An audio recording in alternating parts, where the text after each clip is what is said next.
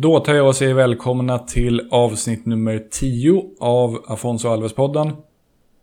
Jag heter Johan Dykhoff och i det här jubileumsavsnittet, om man nu jubilerar när man når tvåsiffrigt, har jag intervjuat Leonard Jägersköld Nilsson.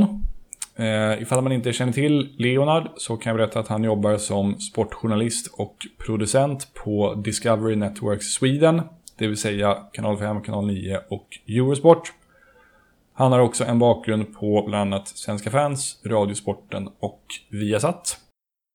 Det senaste halvåret ungefär har Leonard framförallt varit i ropet tack vare sin bok Fotbollens heraldik, vilket är en 229 sidor lång bok helt inriktad på fotbollsklubbmärken. Boken är utgiven av Pincho förlag och jag fick själv boken som julklapp förra året och kan intyga att den är super, super trevlig.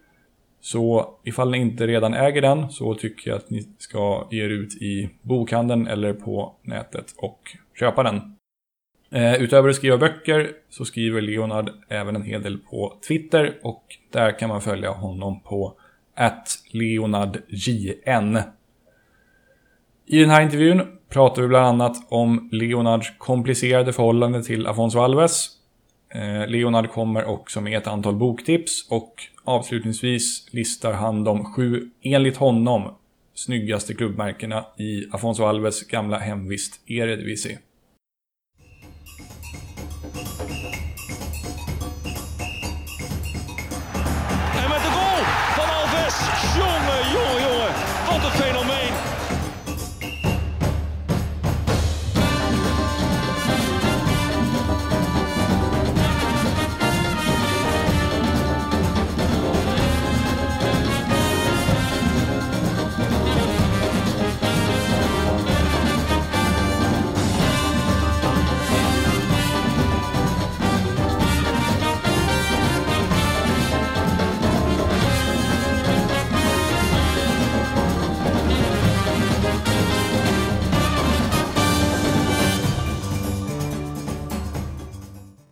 Fullständigt namn börjar vi med.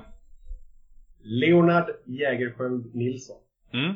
Eh, Jägersköld, vad är, vad är det för namn? Alltså vad har, vet du historien bakom det? Eh, det är finlandssvenskt egentligen ursprungligen. Det är på min eh, mors sida. Eh, och ja, det, det är väl den korta bakgrunden egentligen. Finlandssvenskt helt Ja. enkelt. Okej. Brukar dina kompisar vara lattjiga och bjuda dig på Jäger när ni är ute på krogen? På grund av namnet? Ehm, det har ju faktiskt blivit en större grej. Det är konstigt att mina kompisar aldrig riktigt eh, tog tag i det där. Det har blivit en större grej så här i arbetslivet och, och bland nyare bekantskaper. Men, men polarna har lämnat det åt sidan trots att de dricker ganska mycket Jäger. Okej, de har blivit hemmablinda liksom. ja, exakt. Det är det som är. eh, ålder? Eh, jag är 30. Mm. Eh, för att ha sig gammal jag på att säga. Men eh, det ska man inte säga. Du är född 86 eller 87? 86. Ja, 86. du är ett år äldre än mig. Eh, kommer från respektive bor i? Eh, jag kommer från eh, Stockholmsförorten Täby och jag bor i, jag vet inte om man får säga förort om det för då blir folk sura, men jag bor i, i Solna så kan jag säga. Mm. Eh, sysselsättning? Eh, jag är sportjournalist, producent på Discovery Networks Sweden det är ju då alltså kanal 5 och kanal 9. Mm. Jag tänker inte ställa den klyschiga frågan hur ser en normal arbetsdag ut? Så jag frågar istället vad har du gjort på jobbet idag? Vad har jag gjort idag? Mm. Ehm, ja, vi har suttit i möten och planerat Europa League-finalen den 24 maj. Vi har planerat U21-EM i sommar och vi har planerat OS nästa år. Så långa möten utan fika. Så eh, av någon anledning gick vi mot den svenska möteskulturen idag. Ja. eh, kan du förresten dra din eh, liksom, journalistkarriär eller bana från utbildning till idag lite kort och koncist? Mm, eh, absolut. Jag började väl skriva i tonåren på, på Svenska fans. Eh, och eh, jag skrev för Lyon då som var mitt absoluta favoritlag tack vare Juninho Pernambucano. Eh, Eh, eh, det fick mig in mig på eh, journalistik och journalistutbildningen på Södertörn. Som jag eh, ja, examinerades, examinerades från 2009. Och därefter har jag varit på lite olika ställen men frilansade för OTV och Kanal Plus och Radiosporten innan jag jobbade fyra år för Viasat. Eh, för Viasat Fotboll då med Premier League och Champions League allra främst.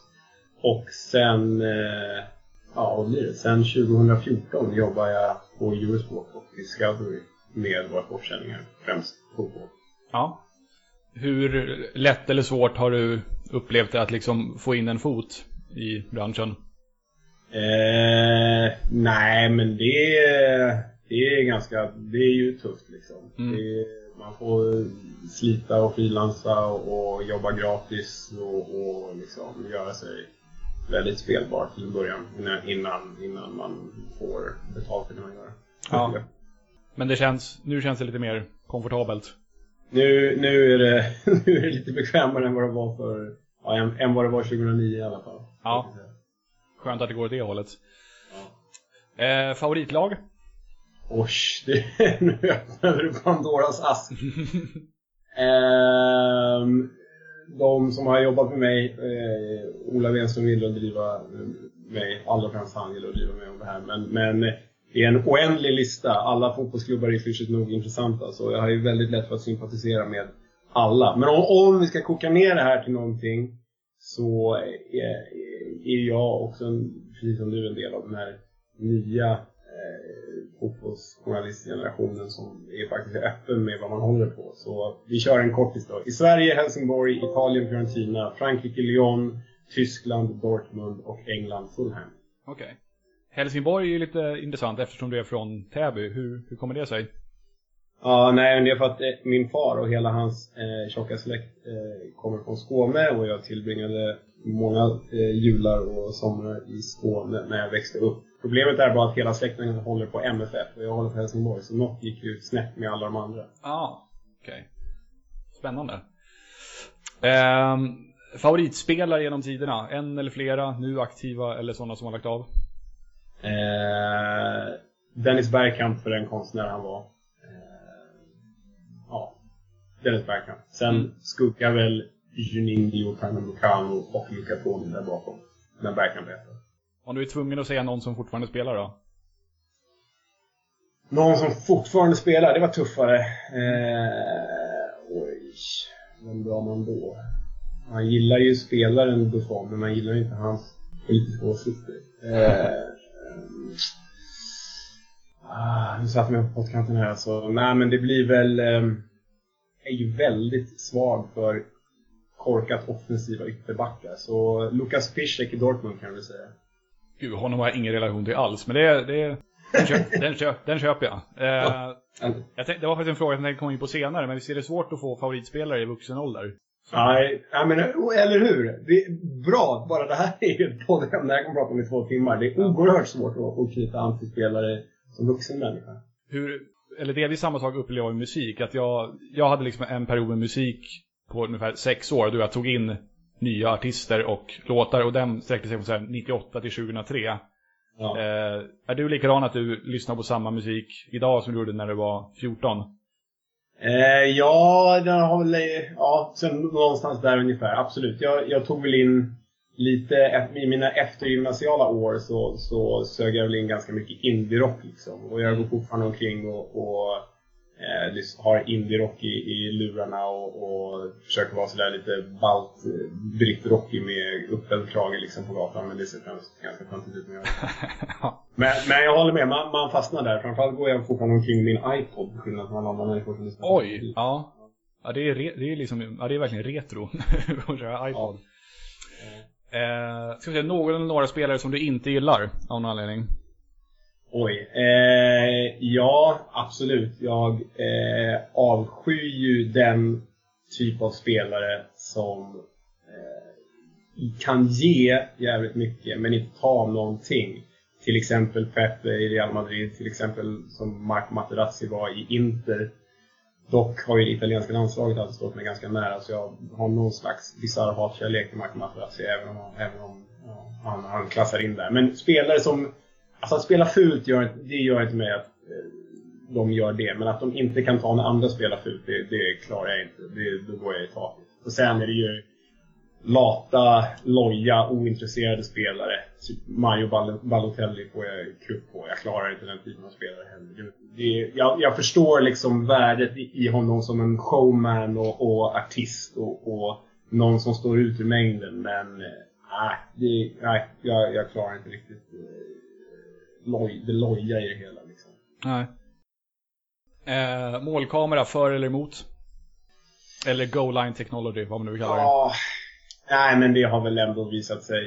Jag, jag är nog ganska konservativ egentligen med, i gällande fotboll. Men det har ju visat sig fungera så för. Mm. Pluspoäng i min bok. Eh, vilken är mest obskyra eller nördiga liga du har sett fotboll i? Mm, tänka efter här. Eh, estniska högsta ligan.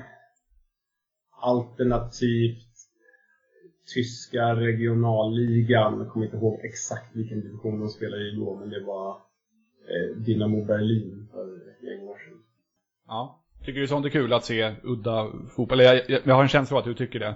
Ja, eh, fotboll eh, överallt. Det är ju tyvärr inte alltid förenligt med, med ens privatliv när man så privat. Liksom. Men, men absolut, gärna så ofta man kan. Ja. Och eh, du är väl det också? Du var på Malta nyligen. Ja, exakt. Såg Va? eh, tredje ligan på Malta. Det är nytt där personligt rekord för mig. Det, det bräcker mig med längder alltså. Fy. Gud vad mäktigt. Vad var det för lag? Ska vi se om jag kommer ihåg vad de heter. Ehm, de ena hette... Vad fan var det de hette?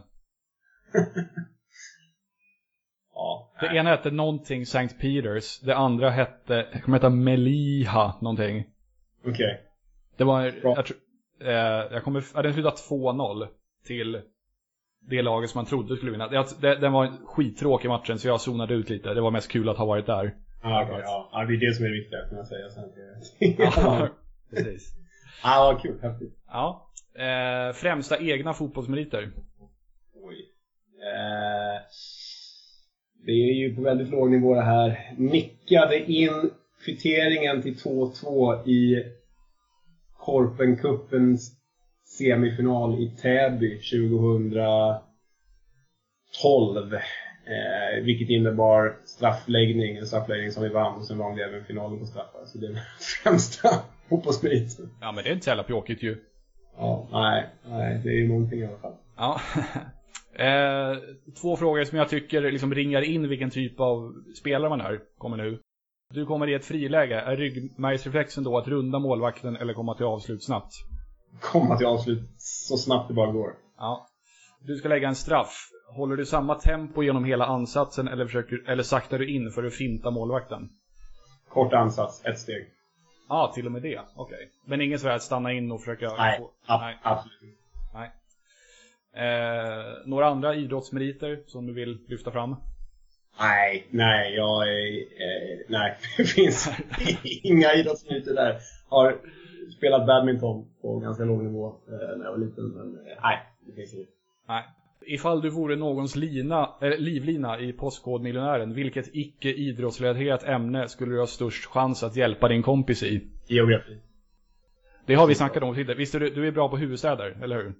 Jag är, väldigt bra på huvudstäder och nu är man väldigt självgod här, men väldigt bra på huvudstäder och väldigt bra på flaggor. Det är ju, jag har ju, jag sitter, nu blir jag mer självgod, jag sitter ju bredvid en gigantisk, riktigt nördig buckla här, en vandringsbuckla i geografimästerskapen som jag och mina kompisar anordnar. För vi har anordnat det fyra år i rad nu, där vi går igenom städer och länder och berg och floder och, och flaggor och sådär.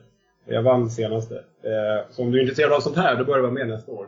Jag tycker sånt är skitkul. Ja, det är liksom ett så här partytrick som jag har. Att eh, försöka hitta ett land där jag inte kan huvudstaden.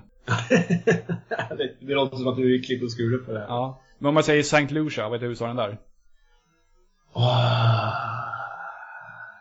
Han tar mig på sängen direkt tror jag. Det är oerhört svårt. Eh, flaggan är ju blå och triangel eh, gul och svart.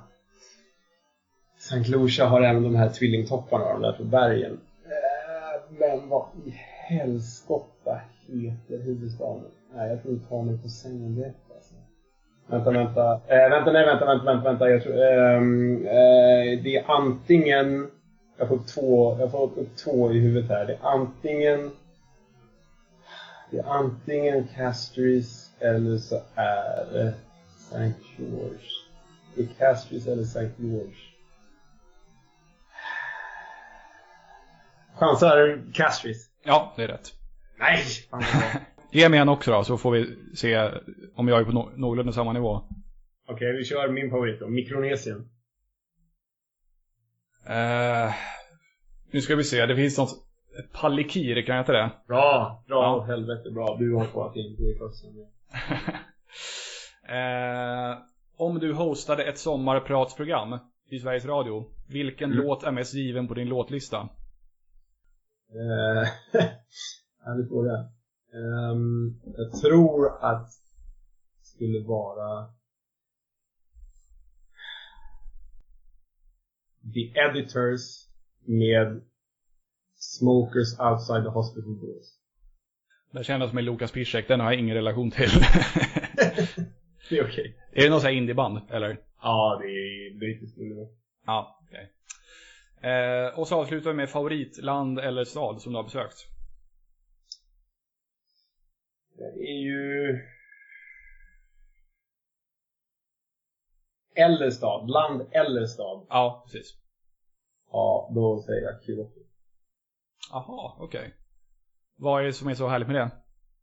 Ja, men... Eh, enorm historisk förankring liksom. Man känner att eh, när man promenerar där så känner man bara att tiden, tiden har stått stilla. Det är ju fantastiska tempel och kulturskatter och museum och, och eh, någon slags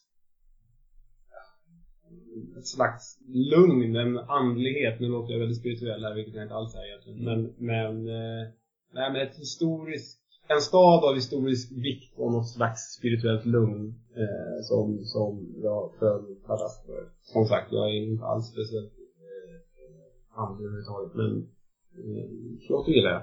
Ja, okej.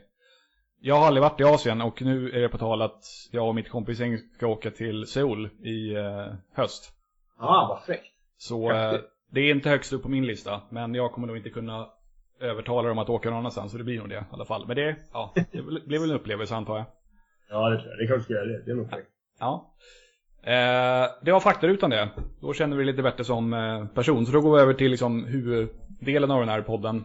Eh, och vi börjar med att prata lite grann om spelaren som den här podcasten är uppkallad efter, nämligen Afonso Alves. Och du berättade ju innan eh, vi bokade tid för det att du inte riktigt gillar honom. Så nu väntar jag ju nyfiket på en bra förklaring till det. Grejen är väl att eh, gillar och gillar. Jag har alltid varit lite avigt inställd till Afonso Alves eftersom att jag håller på HIF så har ju den allsvenska urbrassen för mig Även om Walter Thomas Junior var före så, så är ju den, den allsvenska urbrassen, det här anfallsfenomenet är ju Alvaro Santos. Mm. Det är ju den målfarliga ursprungsdribblen som gjorde vad han ville med de eh, stelbenta allsvenska försvararna. Och när Afonso Alves då kom till Örgryte bara ett eller två år efter Alvaro Santos genombrott så blev, och var så bra dessutom, så blev jag väldigt avigt inställd att det där, den där brassen, det är inte vår brasse. Eh, sen, sen var, han, var han ju på allsvensk nivå och även över det en, en, en eh, väldigt sevärd spelare. Så gi- gillar orätt, jag ogillar honom men ganska orättvist om du jag menar. Så han, det var för att han liksom stal Alvaro Santos Thunder lite grann. Ja, så, så kan vi säga. Bra, Ja. bra sammanfatt. Eh, man kan ju liksom dela in Afonsos karriär i fem väldigt tydliga perioder. Vi har ju dels perioden som liksom, ungdomsspelare i Brasilien, sen hans år i Allsvenskan, därefter hans sejour som målmaskin i Heidenfein och sen hans flopp-säsonger i Middlesbrough och sen hans sista år i karriären i Qatar. Eh, vad är han mest för dig? Liksom? Alltså vad, vad ser du framför dig?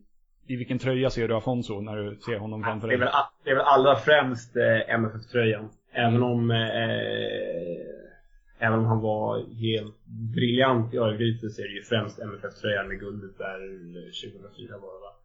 Eh, och hans kreativitet och hans frisparkar alltså, som bara... Det var, det var... Vid den tidpunkten så kändes det som att det var länge sedan man hade sett en spelare i Allsvenskan som var på en sån egen nivå. Liksom. Därefter har vi haft flera spelare, skulle jag vilja påstå, som, som har varit liksom, flera hack över eh, snittet i, i vår kära serie. Men där och då när han dominerade då, då i Malmö, då, det var ju något utomjordigt nästan för oss svenskar.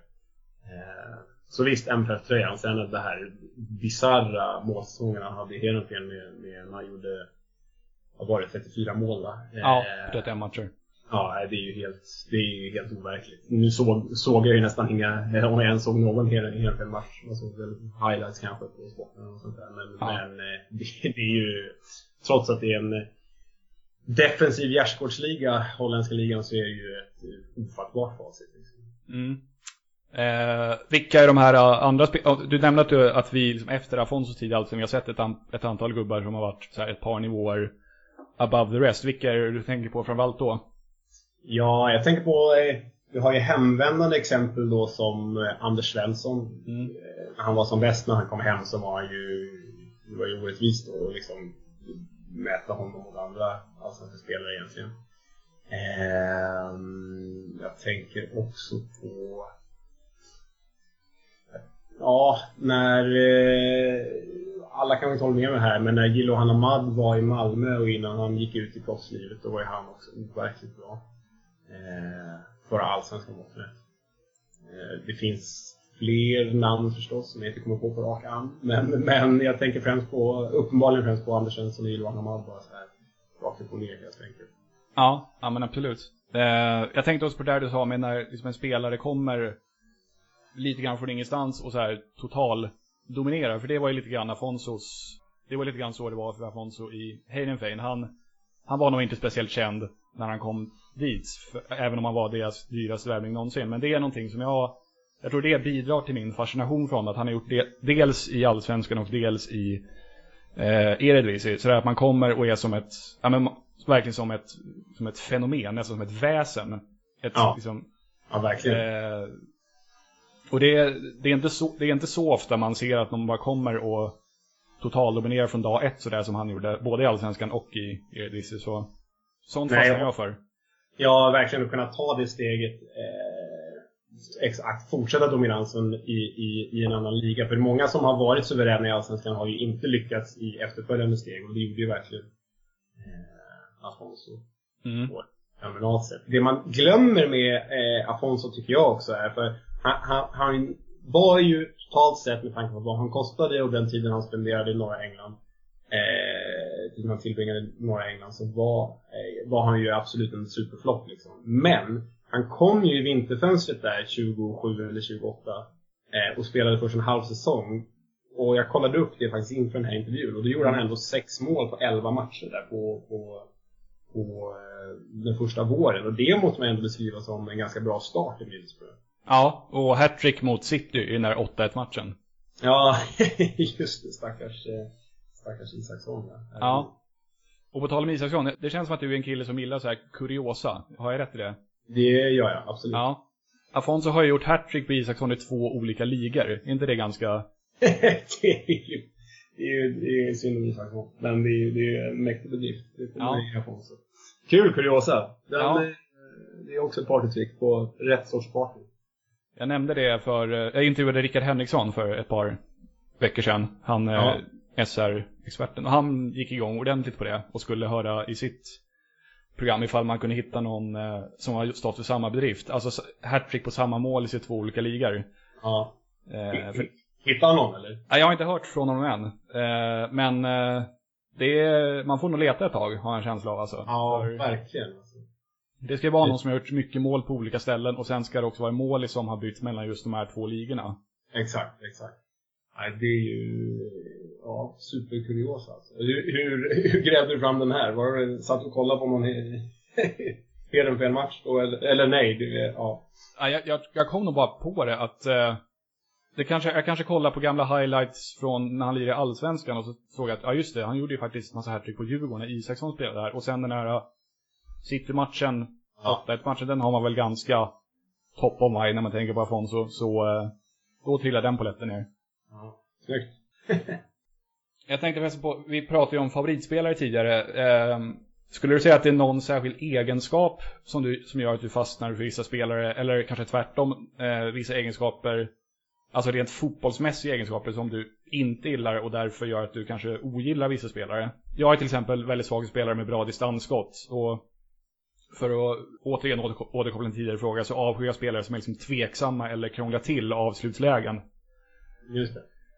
Eh, så har du någon sån där att, alltså någon slags gemensam nämnare för spelare som du gillar eller ogillar rent fotbollsmässigt? Ja, jag är ju själv, eh, precis som du, oerhört, oerhört svag för distansskott. När jag brukar mm. ranka årets mål och sådär, då är ju säkert 7 av 10 distansskott oftast. Eh, mäktiga Clarence Seedorf-slungor eller Lampard-bössor liksom. Det är ju fantastiskt att youtuba på i evigheters evighet. Eh, nej, men om det är något jag verkligen, verkligen fastnar för så är det en osjälviskhet. Men gärna då också en osjälviskhet, och det här är väldigt ovanligt, men en osjälviskhet kopplad till ett artisteri. Många artister upplever jag det som är ju ganska själviska. De är geniala i, i, sin, i, i sin bollbehandling och, och i Eh, sin teknik. Men de är inte lika framstående i sin distribution av bollen. Och där fann jag i alla fall då när jag växte upp Dennis Bergkamp och Gianfranco Sola som två enorma undantag. De här var genier som dessutom var osjälviska. Eh, Zinedine Zidane passar ju också in där, verkligen. Eh, sen har det funnits många briljanta tekniker och dribblers och genier som varit oerhörda eh, egon rent fotbollsmässigt. Som Rivaldo till exempel, som man vill älska men inte riktigt gör det för att han var, var ett superego. Liksom. Um, så nej, osjälviskhet förknippar med genialitet. Ja, det skriver jag under på, absolut. Rivaldo hittade jag aldrig riktigt hem till heller så att säga. Uh, jag hade svårt för honom, även fast han var jävligt bra i Barcelona framförallt. Ja, verkligen. Mm.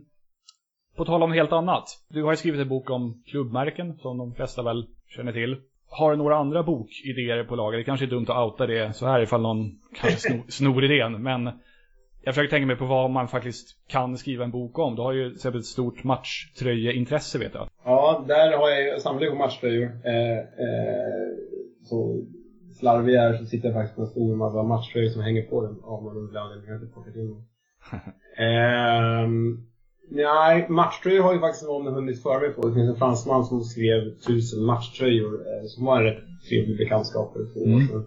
Eh, inte, inte jättedjupgående, men trevlig på ögat liksom.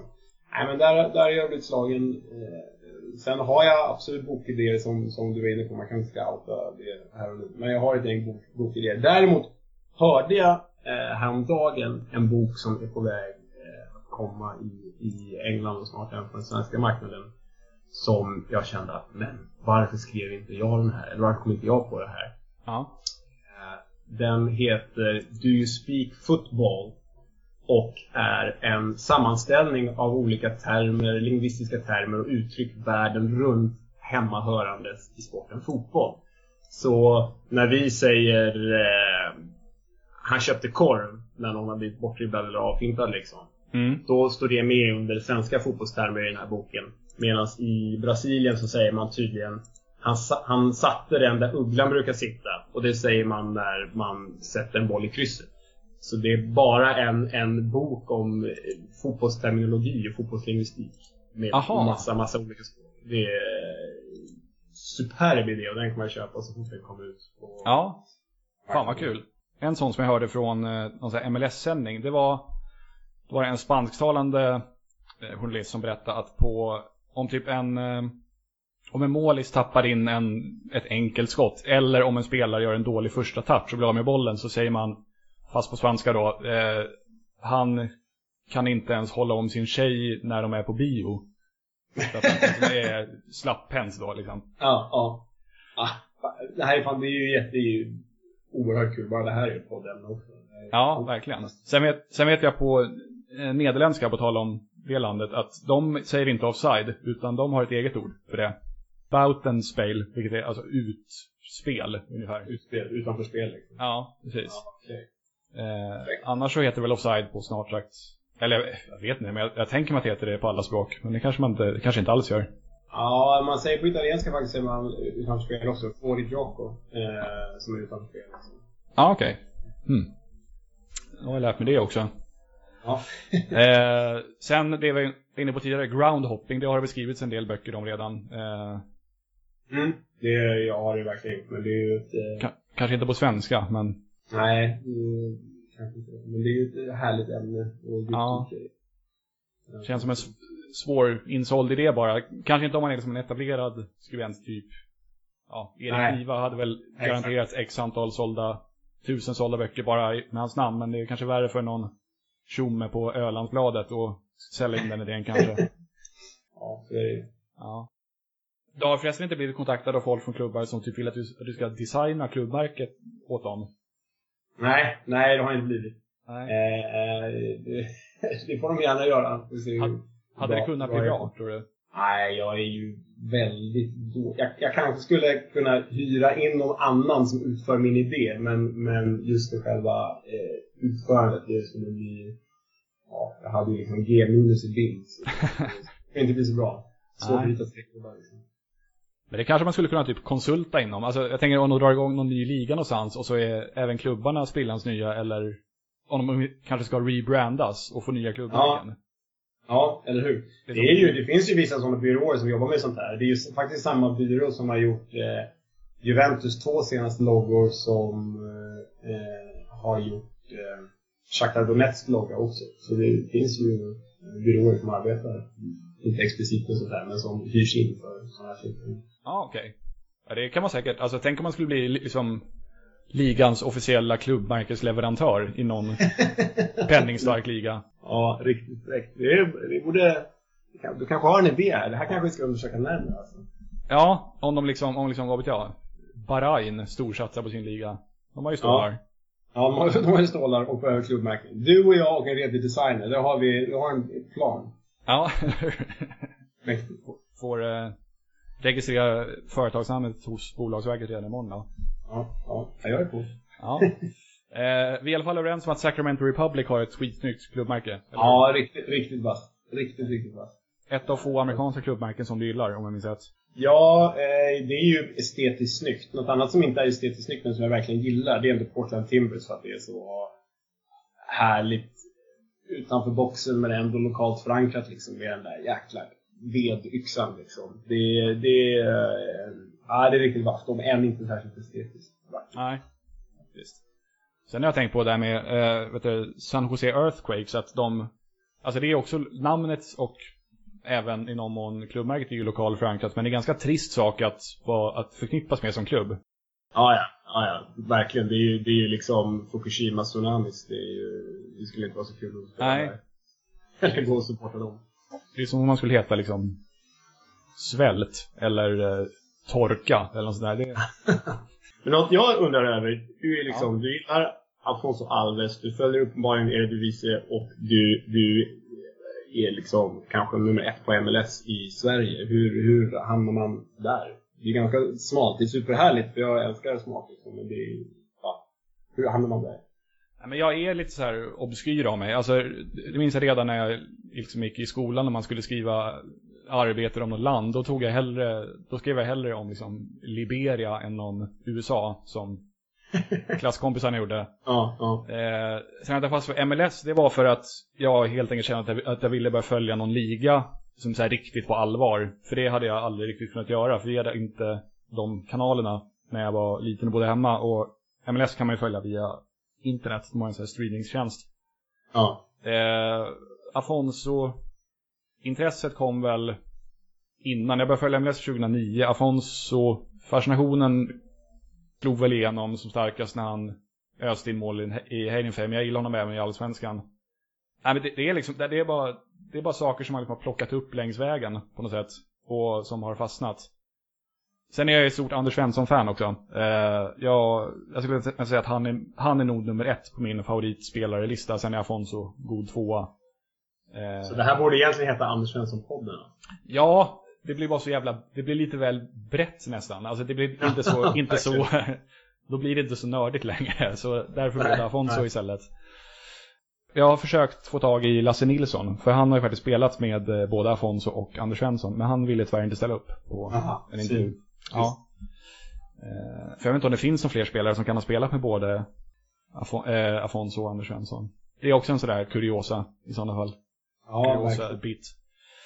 Men, eh, Du får ja, uppmana lyssnarna att hit- uppmana lyssnarna att leta rätt på den spelaren som har gjort det.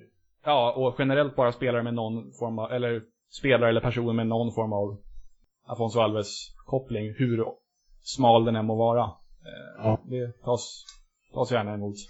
Ifall du skulle skriva en självbiografi om en spelare, vem skulle du helst skriva om då? Gärna om det är någon lite udda spelare som du tycker ver- verkar intressant. Och här behöver du inte alls tänka på att den ska sälja och liksom förbättra förlagets ekonomiska resultat. Jag eh, ska nog försöka gå utanför sig själv här lite kanske.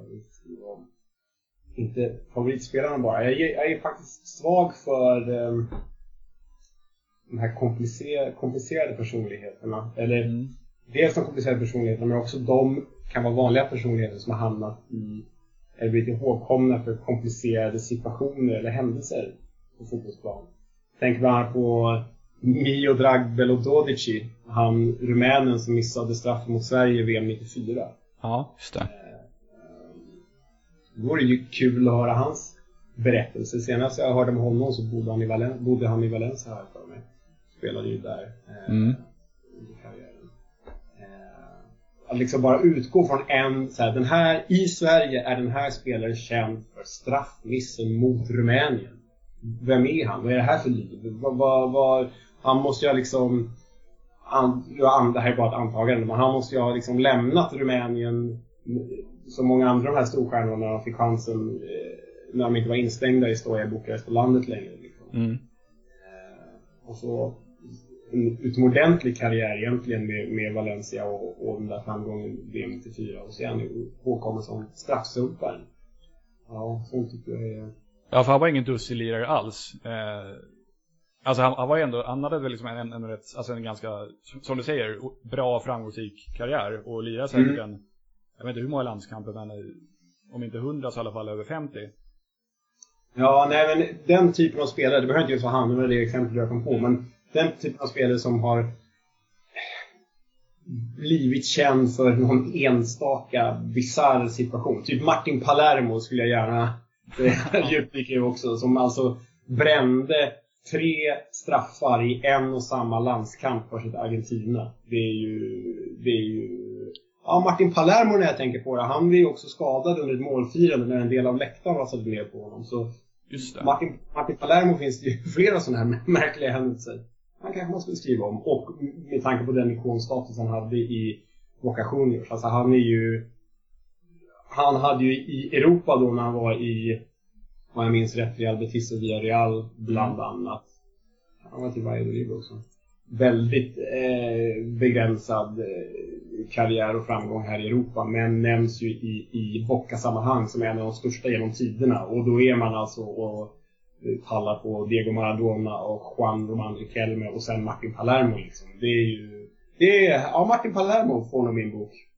Ja, ja det vore intressant. Eh, en som jag tänkte också när du sa så här bisarra situationer är Igor Sypniewski. Eh, Ja, ja. ifall, ifall han emot förmodan skulle ställa upp. För han var ju också en jävligt bra spelare. Eh, Jag har faktiskt för mig att det har kommit en Sypniewski-biografi faktiskt. ja, fan, ja, nu när du säger det så ringer det någon klocka faktiskt. Jag tror faktiskt att det gjorde det här om året av en, av en eh, svensk. Kan jag, kan jag googla här? Kommer det låta om jag, om jag skriver? Nej, kör på. Måste bara kolla. Sypniewski. Biography, ja det finns faktiskt. Nej, det var nog ingen svensk. Ja, det, fin, det, finns, det finns en eh, biografi här. Det- Ja, det är så. Fräckt. Fräckt. Ja. Men ja, precis. Rätt typ av spelare vi är inne på. För här är vi inne på en, en spelare med dels väldigt komplicerad och, och, och komplex personlighet som dessutom, eller på grund av det, varit med om massa bisarra situationer. Det är bra biografimaterial. Ja. En annan som, jag, som slog mig nyligen var, han, hon, en spelare som jag faktiskt har intervjuat, fast via mail för massor av år sedan, är han Jeff Cameron, eh, amerikansk eh, försvararen i Ja, i Stoke. Ja, ja. Har du intervjuat honom via mail? Det är ju mäktigt. Ja, lyckades- hur lyckades med det? jag kontaktade klubben och frågade, hej, skulle man kunna dra iväg ett tiotal frågor till Jeff Cameron? Och så sa han, visst, kör på. Och sen svarade de några veckor senare. Kul! Ja, när han spelade i Houston Dynamo. Han är en av väldigt få spelare som är öppna Trump-supporters. Mm. Ja, jag, Ja. sa, jag såg det. Tror- Du twittrade om det här om, eh, här om veckan, tror jag, eller här om månaden. Ja, Om precis. Han Ja. har ju uttalat sig positivt om den här inreseförbudet till exempel. Samtidigt som hans lagkamrater har gjort motsatsen i hans landslagskamrater då. Så Ja. han är ändå en... eh, han är ändå liksom en, Han har pluggat fyra år på college eh, och är från någonstans uppe i Massachusetts. Så han är ingen så här liksom puckad Ingen redneck. Nej, exakt. Så han, han bryter verkligen mönstret. Han kanske är en astråkig snubbe, det vet jag inte. Men eh, med sina politiska åsikter så sticker han verkligen ut. Så kanske kan det finnas något intressant där, vad vet jag. Ja. ja, men det är och alltså eh, nu håller ju inte jag med honom då rent politiskt, men det är ju alltid intressant med fotbollsspelare som är politiskt insatta. Oavsett om det är bra eller inte så sticker de ju ut ur mängden liksom på, på, ja, på ett politiskt plan i alla fall. Ja, definitivt. Eh, har du några boktips du vill komma med förresten, på tal om fotbollsböcker? Du har nämnt Ja. några redan som du har som gillar, men några till? Eh, ja, jag har faktiskt precis börjat läsa eh, eh, boken eh, eh, Eh, när bollen rullade vår väg eh, av eh, Per Green Johansson, eh, om jag minns namnet rätt. Men det är Per Green Johansson eh, som har släppt den på Pinchon förlag. Eh, och den handlar alltså om något så härligt som Sveriges sovande storklubbar. Eh, svenska klubbar som varit uppe i Allsvenskan eller till och med ute i Europa som nu är lågdivisionslag eller till och med nedlagda liksom. Och det är en reportage. Oddevold och sådana där klubbar eller? Ja, men precis. Och, och Kiruna och, och Saab och, och det är en reportagebok liksom. Så han har besökt klubbarna idag och bara Ni spelade i Europa för 35 år sedan, varför spelar ni i division 5 nu? Eh, ja, men eh, den, den, jag har som sagt inte läst hela än men, men eh, väldigt eh, Den verkar väldigt intressant och, och rolig på eh, för eh, sådana som också säkert den bredare folkliga massan också eftersom att den, det känns ju väldigt folksjälssvensk liksom. En annan bok som jag precis har läst ut är eh, skriven av Ekim Shaglar som eh, heter Fotbollspropaganda. Mm. Eh, och det är ju en helt suverän idé. Det är alltså en bok på ett väldigt eh, seriöst, genomgående, djuplodat sätt går igenom fotbollspersonligheter, tränare och spelare internationellt eh, som har varit politiska, både till höger och till vänster. Så det är liksom Di Canio, det är Lucarelli och det är Maradona och det är mer Thuram obskyra- kanske? Thuram också, exakt. Ja. Och det är mer eh, obskyra spelare också. Men eh, den var väl 200 sidor lång kanske. Jag eh, läste ut den fort som attan för det var massa härliga, intressanta och galna historier om, om, om eh, eh, politiska personligheter inom fotbollen. Och George Weah till exempel. Väldigt, väldigt välskriven, så den kan jag rekommendera. Ja, kul. Eh, Turam har jag faktiskt varit och sett en föreläsning med här i Stockholm. Jag jobbar ju i eh, Botkyrka kommun i Ja, två månader till. Eh, Okej. Och eh, han föreläste på ett bibliotek i kommunen. Då fick man komma dit gratis som kommunanställd. Så då åkte jag och lyssnade på honom. Tyvärr på franska med tolk. Han kan tydligen inte engelska. Men eh, ballt ändå att lyssna på honom. Och han är ju minst sagt politiskt engagerad. ja verkligen. Och på ett väldigt bra sätt. Det får man ju det får man göra. Ja, jo, han verkar ha hjärtat på rätt ställe. Liksom. Ja, ja, exakt. Ehm, jag tror vi har kommit in på topp 7-listan. Som jag bad dig att ta ut. Och det är då ett stående inslag som jag har i podden där varje gäst, eller vad man ska kalla det, får ta ut en topp 7-lista på ett ämne som jag väljer. Topp 7 är det just för att Afonso Alves målrekord i Eredivisie är 7 mål i en och samma match. Mot Herakles säsongen 07-08. Så, eh, och för dig bad jag eh, i och med din spetskompetens inom klubbmärken så bad jag dig ta ut de sju snyggaste klubbmärkena i Eredivisie enligt dig. Så Ja. eh, det är bara att köra. Gärna lite motivering till varje klubbmärke också.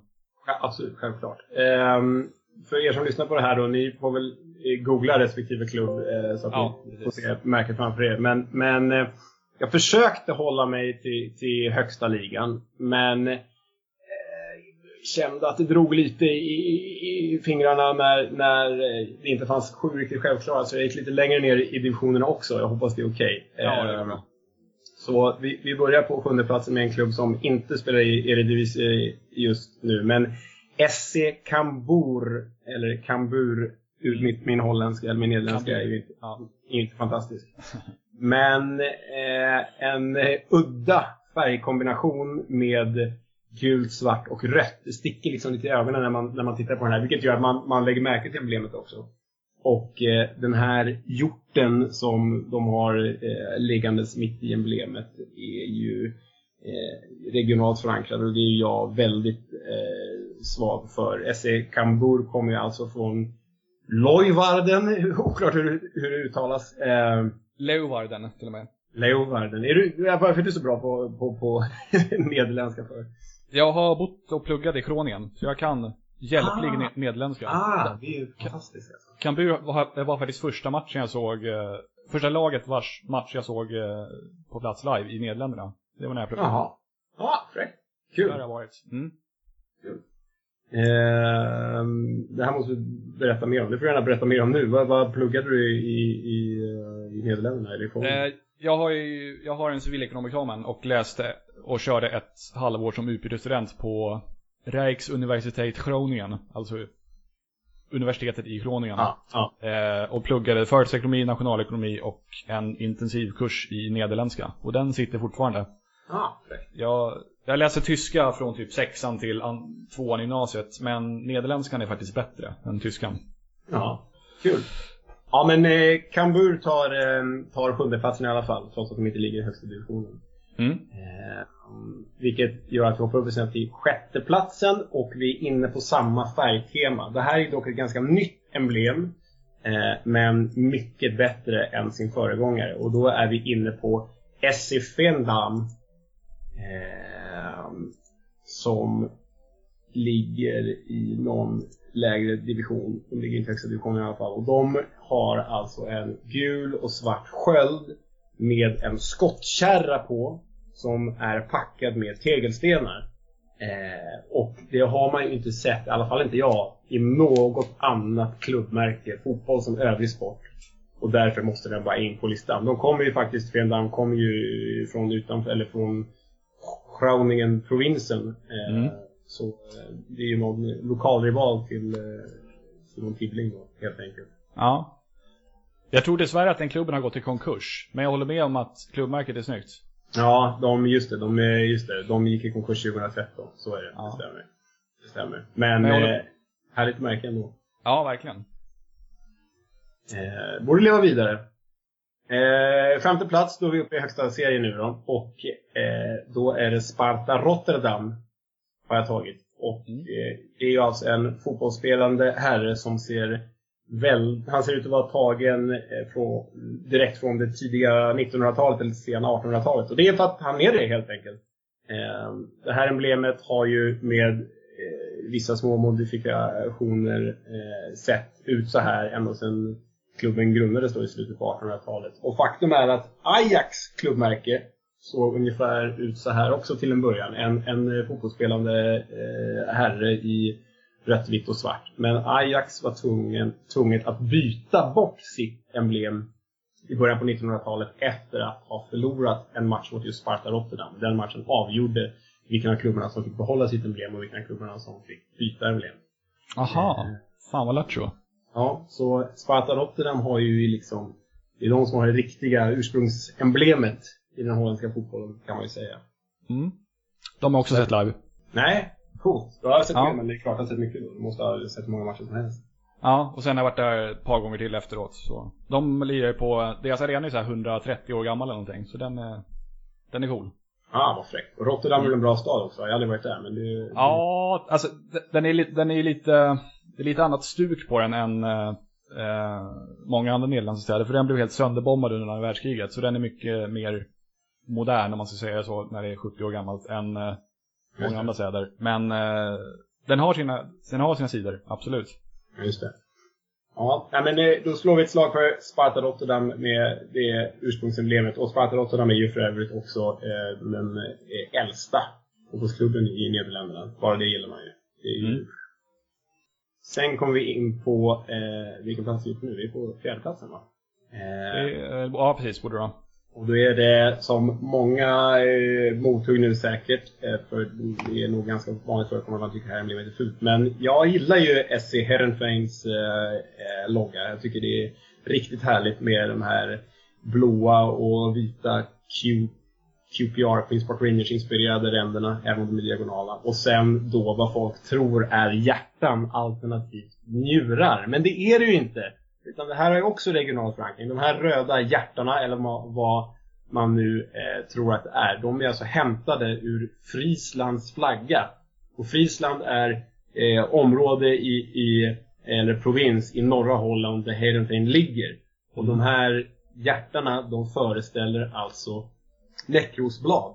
Eller på heraldiskt språk heter det sjöblad. Men de här röda hjärtarna är alltså näckrosblad som pryder eh, emblemet helt enkelt. Mm. Så eh, ja, regional förankring, det, det slår jag ett slag för med Heerenveen här. De har även målat näckrosblad med röda stolar på läktarna Ah, på bra! arenan. Bra! Där har jag också varit. Bra, jag har, ju, jag har ju faktiskt aldrig varit i Nederländerna så det låter som att jag borde åka dit och kolla på lite fotboll. Ja, definitivt. Det är trevligt och lättrest land. Så dit skulle jag absolut åka. Ja, ja bra. Du får komma med lite tips. Mm. Ehm, och då kommer vi på topp tre då. Och det svider ju i hjärtat när man... eh, Svider i hjärtat. Jag gillar ju underdogsen liksom. Därför känns det lite fel att plocka in eh, overdogs eh, favoriter här inne. Men på tredje plats har vi Feyenoord. Eh, storklubben i Rotterdam. Och den är ju ganska enkel och basal. Men jag tycker det, det är snyggt liksom. Det är tvådelade rödvita med, med namnet runt omkring och F1 framför. Feyenoord är ju det här rött och vitt i, i delade färger. Det är vad det är för mig och är för alla andra egentligen, skulle jag tro. Med, det är deras rödvita tröjor och det här rödvita emblemet. Jag tycker det är snyggt att det finns en, en, en överensstämmelse där mellan emblem och dräkter på, på ett sånt tydligt sätt. Så Feyenoord tar tredjeplatsen. Andra plats? Longcorsts klubb. Ja, Van Bronckhorst. De vinner väl ligan nu också va? Ja, det ser ut som det. Ja, kul. Eh, och sen har vi då andra platsen så har vi Alles door Öffning den Haag. Hur var det uttalet? Nu ska vi se. Alles står oförning den här. Ja. Ja. ehm, Bisarr färgkombination, grönt och gult. Riktigt bisarr färgkombination, men de kommer undan med det tycker jag. Jag tycker det ser snyggt ut. Och med den här storken då som balanserar på en fotboll. Eh, så tänker man ju inte helt osäkert på Tottenham Hotspur som har en ganska snygg logga. Men den här är liksom mer utvecklad. Det här är inte bara en tupp en fotboll. Det här är en stork med en mask i munnen och den står på en fotboll mot en bisarr färgkombination. Det är plottrigt på ett bra sätt. Stort, stort, stort plus för det här udda eh, konstellationen egentligen. Här kommer Niklas Jarlind, eh, min kära kollega, inte eh, tycka om mig för han gillar inte djur i emblem. Men eh, det gör jag. Så stort. Jaha, okej. Hur motiverar han det? Han tycker, han tycker det är barnsligt. Han tycker att jag är ett stort barn. Så spänn på det här bara. Ja, men jag håller med. Den, den är snygg, absolut. Ja. Och sen har vi då första platsen. Ja, det är ju olidligt spännande. Ja, fast det är ju olidligt tråkigt också.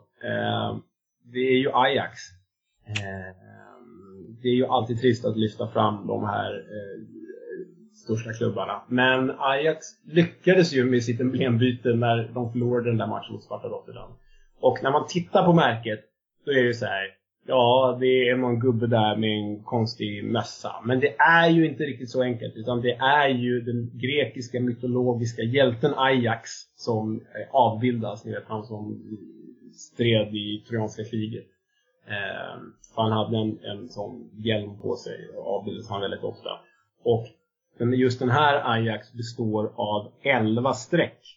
Och de 11 strecken symboliserar de 11 fotbollsspelarna på planen. Och det tycker jag är en, en eh, fräck design. Att man lyckats eh, illustrera då Ajax med eh, de här 11 strecken på ett snyggt sätt. Så eh, Ajax vinner, min lista i alla fall. Ja, det var jävligt klurigt måste jag säga. Det, det, och det hade jag aldrig tänkt på själv. Att det är just, eller ja, det gör man väl inte om man inte är så här savant. Att det är just 11 streck. Men nej, bra motivering, absolut. Ja. Eh, vilket är ditt favoritmärke? Jag tror inte jag har något, ärligt talat. Eh, men jag håller med om eh, Heidenfein faktiskt. Nu har den, den ser lite modern ut i sin eh, nuvarande tappning. Så de kanske har fräschat upp den lite på senare år. Men jag, jag håller med om det här med Näckrosbladen. Att det är en tydlig och bra lokal förankring. Så det är inte bara för att Afonso spelar där som jag gillar deras klubbmärke. ja, det hade ju varit en anledning god, god nog ändå. Ja. Har du någon relation till Eredivisie som liga förresten? Um, jag har Bergkamp nämnde du ju, men... Uh... Ja, Bergkamp, men det var ju liksom efter hans holländska tid egentligen. Ja. Um, det är väl ganska fint fast i fotbollsterminologi. Men nej, alltså jag har ju kollat på stormatcher till och från genom åren när man har kunnat se dem på, på olika kanaler och sådär. Men jag var ju otroligt svag. En av mina första fotbollströjor var ju faktiskt PSV Eindhoven. Och jag var otroligt svag för det PSV som eh, hade Arjen Robben och den vidriga Mateja Kessman som oerhört vidrig politiskt men han var en härlig spelare då. Eh, som hade Robben och Kessman och jag hade haft Van Nistelrooy och sen det PSV som utvecklades ännu mer när Philippe Couture flyttade hem. Det var ju helt fenomenalt när de gick till semifinal i Champions League där. Så jag hade nog en 3-4 år när jag verkligen grävde ner mig i PSV och spelade dem på Fifa och på Manager och verkligen kollade på alla deras Europacupmatcher liksom. Så det är väl den kopplingen jag har till, till eh, nederländsk fotboll, förutom att jag alltid har hållit en extra tumme för landslaget. Ja, okej. Okay. Ja, det går ju knappt att följa Eredivisie från Sverige. Det är ju synd. Det sänds väl en match i veckan på Viasat, that's it i princip. Ja, exakt. Så är det ju. Så en svårföljd liga tyvärr. Ja, men eh, rekommendabel för den som gillar offensiv och publikfriande fotboll. Det, då, är, då är det bara in och kolla. Ja, verkligen. Och som sagt, jag kan verkligen rekommendera att man åker dit och kollar på fotboll. För det är ett trevligt land och väldigt lättrest, väldigt välutvecklad kollektivtrafik och eh, ganska billigt. Mycket billigare än England, kan jag tänka mig. Jag har aldrig varit i England och kollat på fotboll. Men, eh, ja, ja, det, slår, ja det slår jag ett lag för, absolut. Ja, ja, men kul. Hur är stämningen då på Måländska arenan? Eh, de som jag har varit på, alltså det är en väldig skillnad mellan högsta och näst högsta ligan. Eh, näst högsta är liksom ja, halvfulla arenor som där man hör spelarna ropa. Ja, det är på den nivån liksom. Eh, högsta ligan är det bra, bra drag på. Eh, I alla fall de matcher som jag har varit på. Så eh, vill man ha bra drag och mycket folk då ska man ju hålla sig till Eredivisie. Vill man hipstra till sig lite så kan man söka sig neråt. Men då får man räkna med att det är lite sunkigare och lite sämre stämning. Man kanske hinner med båda på en helg. Ja, det gör man. Det är så litet land. Ja.